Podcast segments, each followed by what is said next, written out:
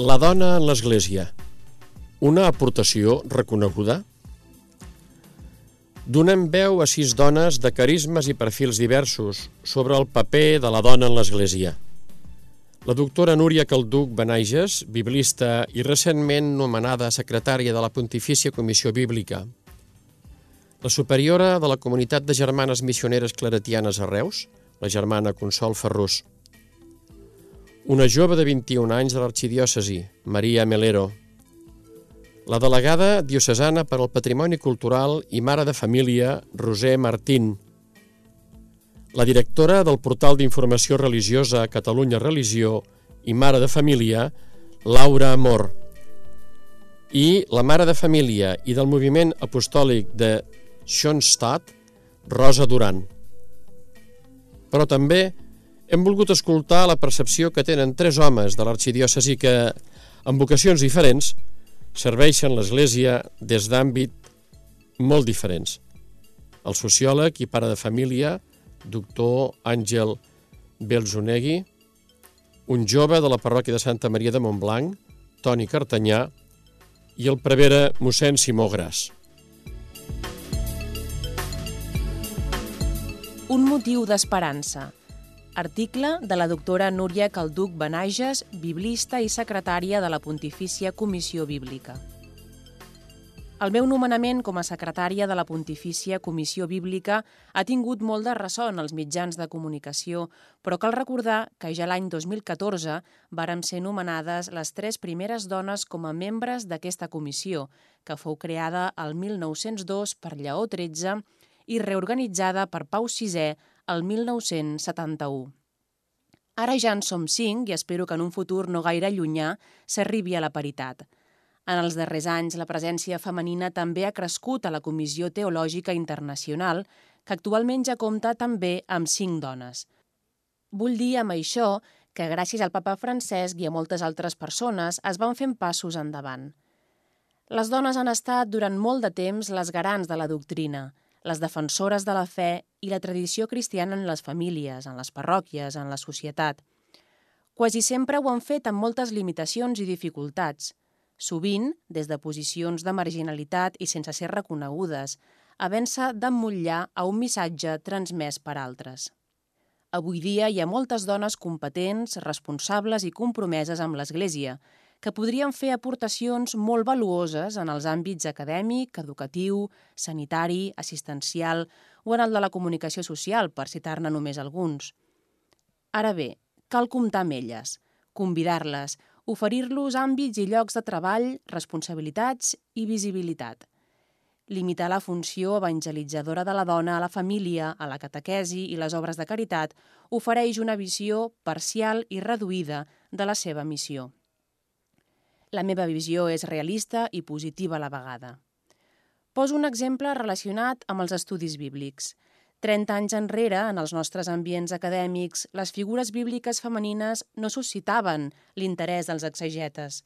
Ha estat gràcies a l'exegesi feminista que aquestes figures, els seus relats i els seus silencis han cobrat vida.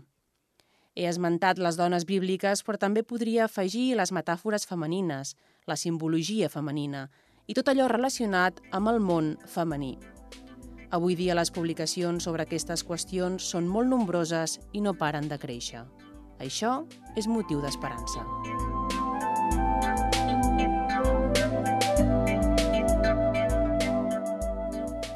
Per un major protagonisme en les decisions i l'estructura de l'Església. Article del doctor Àngel Belzunegui Eraso, sociòleg i pare de família. Quan es parla sobre dones i església, a vegades es tendeix a parlar des d'un enfocament paternalista, que se centra en el reconeixement i la valoració de la seva contribució. De tal manera que si el paper de les dones fos degudament reconegut, el tema es podria tancar aquí. Però amb això no n'hi ha prou, donat que les organitzacions d'aquest nou segle no funcionen així. No es tracta de valorar el que fan les dones, perquè qui ha de valorar-lo? La jerarquia eclesial? Sinó de que les dones tinguin protagonisme en les decisions i en l'estructura de l'Església. Només per aquesta via es podrà assolir una veritable valoració col·lectiva del que aporten les dones, que és molt. I quan dic participació en les decisions, estic pensant en tots els àmbits i esferes de l'Església. Cal un nou ajornamento que aquesta vegada obri les portes a les dones i els permeti participar, en igualtat de condicions amb els homes, en el destí de l'Església. Les dones juguen un paper evangelitzador de primer ordre en moltes entitats d'Església i la seva presència és fonamental per al funcionament diari de la institució, però a vegades són relegades a l'últim banc. Parafrasejant Luquet Escarafia, durant tants anys vinculada a l'Observatori Romano, diu «L'Església no pot oblidar que el cristianisme ha estat la primera institució en proposar la paritat espiritual entre homes i dones i que la tradició cristiana va ser la que va sembrar la llavor de l'emancipació femenina a Occident.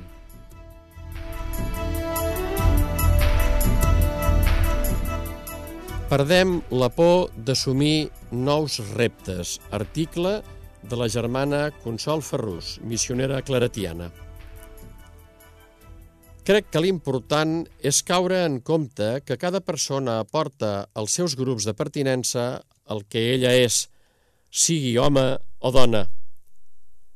En el cas de l'Església, la pertinença ens ve pel baptisme. Això és el que ens fa iguals. Una altra cosa és que, pel fet de ser dona, només per això, hi ha determinats serveis que a la dona li són negats. No se li permet desplegar tota la riquesa que podria aportar, i no estic parlant només del sacerdoci. N'hi ha prou en mirar qualsevol assemblea a l'Església i percebre el desfasament entre el públic i els que dirigeixen des dels òrgans de decisió en les celebracions. Aquest desfasament clama al cel, també en relació amb la societat civil quant al paper de la dona. Biològicament, el sexe ens configura i la dona és la que engendra i cuida la vida. Potser per això la dona pot enriquir l'Església amb aquesta capacitat d'engendrar i cuidar el que està per néixer, aportant la paciència, la fortalesa, l'atenció, la intuïció, el diàleg amb el que s'està gestant, la tendresa. Personalment, he de dir que en molts moments he viscut la dificultat quan m'encarreguen xerrades, exercicis espirituals, de comparar-me i sentir que havia d'estar a l'altura com aquell o aquell altre home, fins que he decidit ser jo mateixa, oferir la meva manera d'enfocar, de pensar, de llegir la Bíblia, de pregar. Altres vegades he sentit ràbia pel fet de no poder tancar aquestes activitats pastorals presidint l'Eucaristia. Per què ha de venir algú de fora a concloure aquests dies sense, sense haver-hi participat? Només per ser home i tenir la possibilitat d'estar ordenat? Seria lògic que cada grup pugui celebrar per si mateix el que ha viscut de la manera com ho desitgi.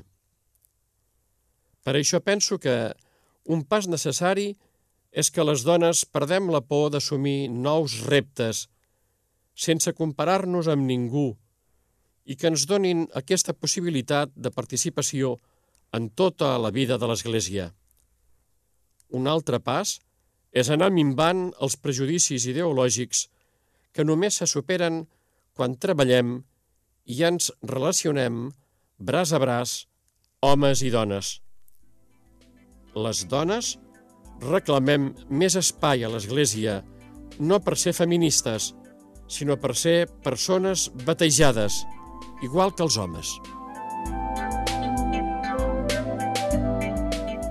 El paper transformador de la dona en l'Església.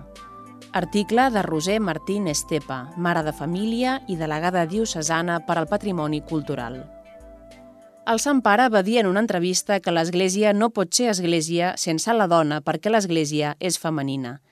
Certament, la nostra presència en l'esfera eclesial és essencial des del cristianisme primitiu, però és evident que encara patim discriminació en una església que ha estat tradicionalment patriarcal. I no poques vegades el papa s'ha mostrat preocupat pel viatge pervers que significa entendre el servei de les dones, no com un servei propi de la persona cristiana, sinó com a servitud de la dona a l'home. Reformar el paper de la dona a l'Església és un camí lent i la nostra presència ocupant llocs de responsabilitat és encara minoritària. Però és innegable que s'està avançant i que l'Església està cridada a enriquir-se amb el talent femení. Encara queda molt per visualitzar aquest canvi, però ja som diverses les dones que assumim aquestes responsabilitats diocesanes. En aquest sentit, hem de respondre a la confiança dipositada aplicant i fent ús de les quatre virtuts cardinals, de les quals ja parlava Plató. Justícia, prudència, fortalesa i temprança, que, per cert, també són femenines i bàsiques per al bon govern del món, de l'Església, del país, de la família. Els ritmes a l'Església són lents i queda molt a fer per assolir una major igualtat que respongui a capacitats i no a gènere. Dones i homes hem de contribuir a una transformació enriquidora i per enriquir-nos no només cal integrar allò que és femení, cal integrar-ho tot, sense excloure ni persones, ni idees, ni propostes. És un camí en el qual tothom hi ha de fer alguna cosa, perquè la desigualtat a l'Església és una realitat encara present. La dona ha de tenir veu i vot, òbviament, i no hem de mostrar passivitat o tancar els ulls. En aquest viatge de transformació tots som necessaris perquè només així arribaran els canvis reals.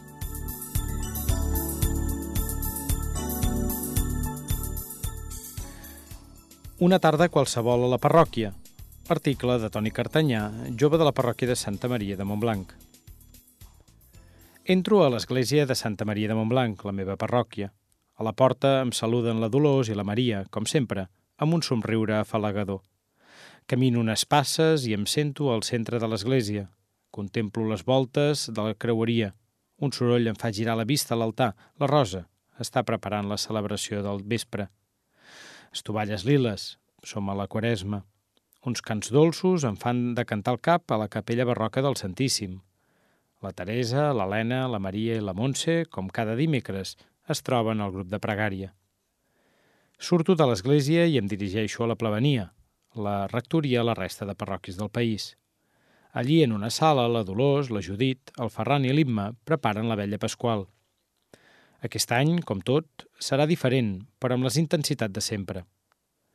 A la sala del costat, la Carme fa catequesi a nens i nenes. Més enllà hi ha l'Agustí i l'Eli que organitzen les properes activitats pels joves. Aquesta podria ser una tarda qualsevol a la meva parròquia, i estic convençut que podria ser una tarda qualsevol a la majoria de les nostres parròquies. I també crec, molt sincerament, que fa dos mil anys a Galilea, en una tarda qualsevol, trobaríem una figura excepcional, el Nazaré, però entorn seu també trobaríem tot un seguit de dones anunciant, ajudant, col·laborant, participant. Per això no ens ha d'estranyar gens que al peu de la creu, segons els evangelis sinòptics, només hi hagués dones. No ens ha d'estranyar gens que les primeres persones a rebre la notícia més trasbalsadora de la història fossin dones. Tanmateix, és evident que el paper de la dona a l'Església, bàsicament en la jerarquia, encara no té el reconeixement que li tocaria – S'hauria d'oficialitzar allò que és una realitat a les nostres parròquies. L'Església hauria d'afrontar aquesta qüestió amb la mateixa valentia que ha afrontat altres qüestions dificultoses, com l'emergència climàtica o la crisi dels refugiats. És ben cert que l'Església no pot avançar a ritme de TikTok, però tampoc podem anar a pas de carro. Amb responsabilitat, amb una mirada sincera a les escriptures, pouant ambiciosament en la tradició i ser coherents amb els signes dels temps, ens ajudaran a afrontar a tal qüestió amb determinació i encert.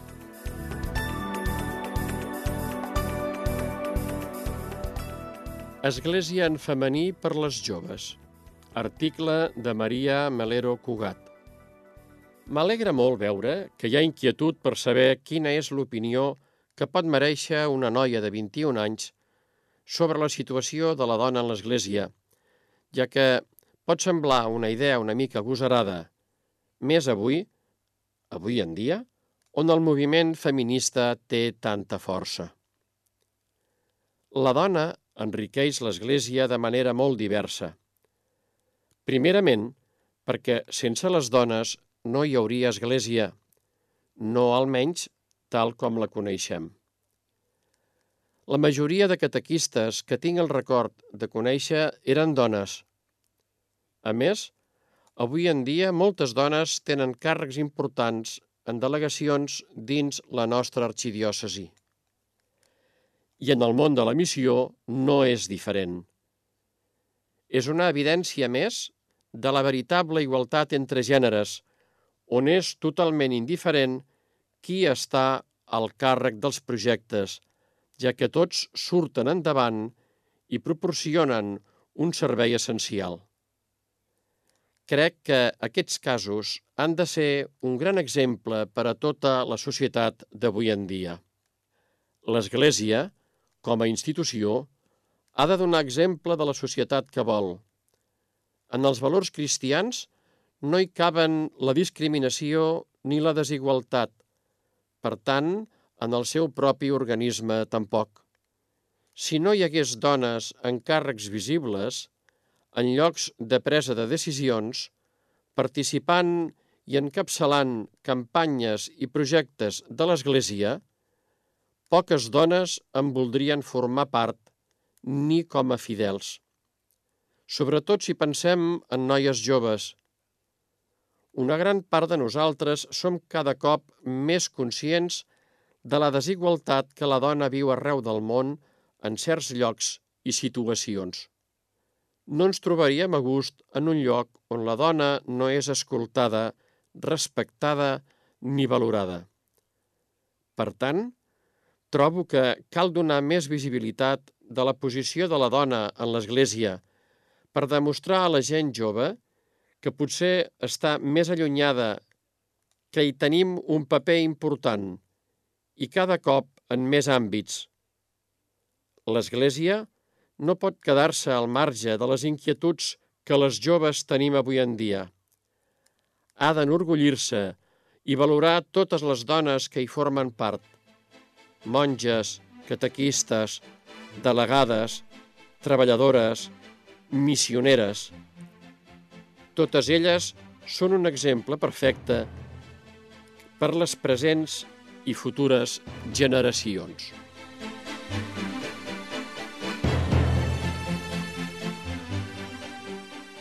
Una vocació de servei en clau femenina. Article de Rosa Duran, del moviment de Schoenstatt. Estic casada fa 22 anys i tenim 5 fills d'entre 21 i 9 anys d'edat. Després d'un camí de discerniment durant la joventut, el Senyor em va fer veure amb claredat que on volia ser servit per mi dins la seva església era en el matrimoni. Entenc que la primera vocació és el baptisme, ja que ens consagra radicalment al Senyor i al servei dels seus. La concreció del baptisme, en les possibles vocacions posteriors, ve després i afegeix matisos segons l'estil de vida que ens proposa Déu com a propi en endavant. El matrimoni és una vocació de servei per mi dins el si de l'Església. No he cercat mai ser reconeguda de fora, sinó caminar amb Crist les concrecions diàries de la meva preciosa vocació i, en el meu cas, com a dona cristiana. En un moment donat, la Mare de Déu em convidà a fer una aliança d'amor amb ella. Com a dona, hi ha hagut un abans i un després en la meva feminitat, en explorar què significa entregar la vida sent dona consagrada a Déu dins la realitat matrimonial em colpia un paràgraf de la Mulieris Dignitatem, la dignitat de la dona. Si l'home és confiat de manera particular per Déu a la dona, no significa potser que Crist espera d'ella la realització d'aquell sacerdoci real que és la riquesa donada per ell als homes? És a dir, la culminació del missatge de Crist passa perquè jo, en la interacció amb el meu espòs, fills, amics, homes, sigui plenament dona. És un dels temes recurrents en la meva pregària. Els atributs de la dona que la fan ser dona i els que la marquen com a dona cristiana. M'apassiona aprofundir en aquest tema amb l'exemple i el caminar d'amigues meves cristianes compromeses i amb la guia de la nostra mare. És el camí que recorro diàriament, en les coses més quotidianes i senzilles, però realitzades en clau femenina.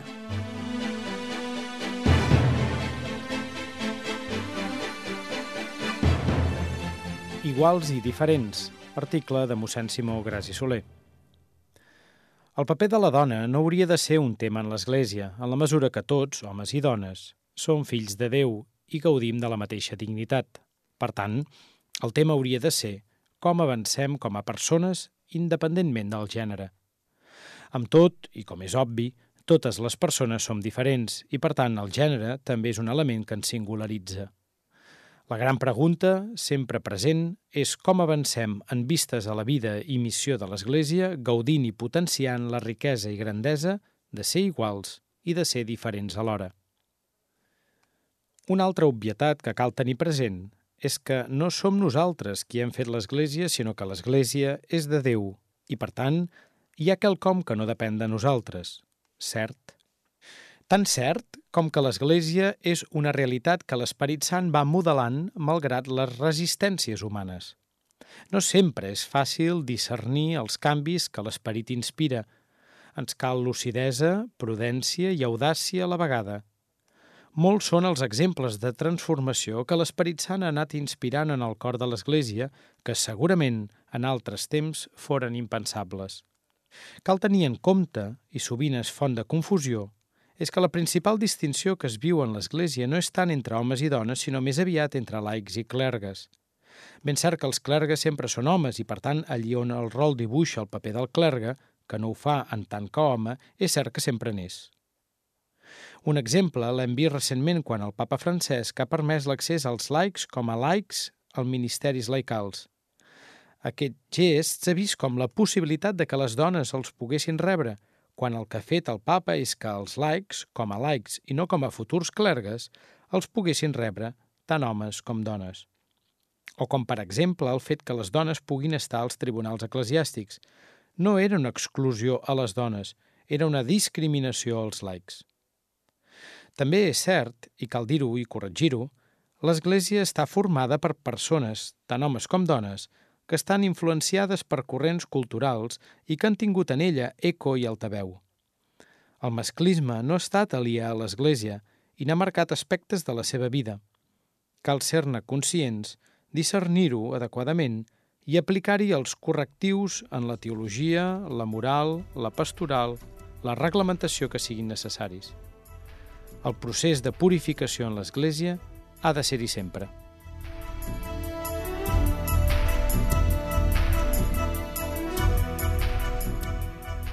Per la plena igualtat de les dones a l'Església. Article de Laura Mor, periodista i directora de Catalunya Religió.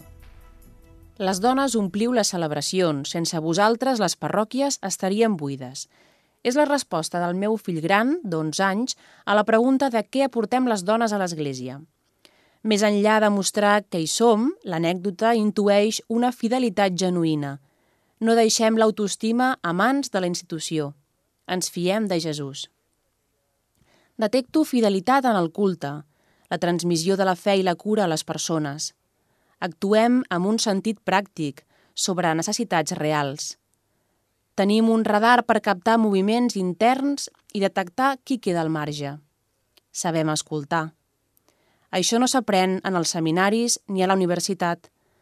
Ens convé una església que valori aquesta altra mena de saviesa.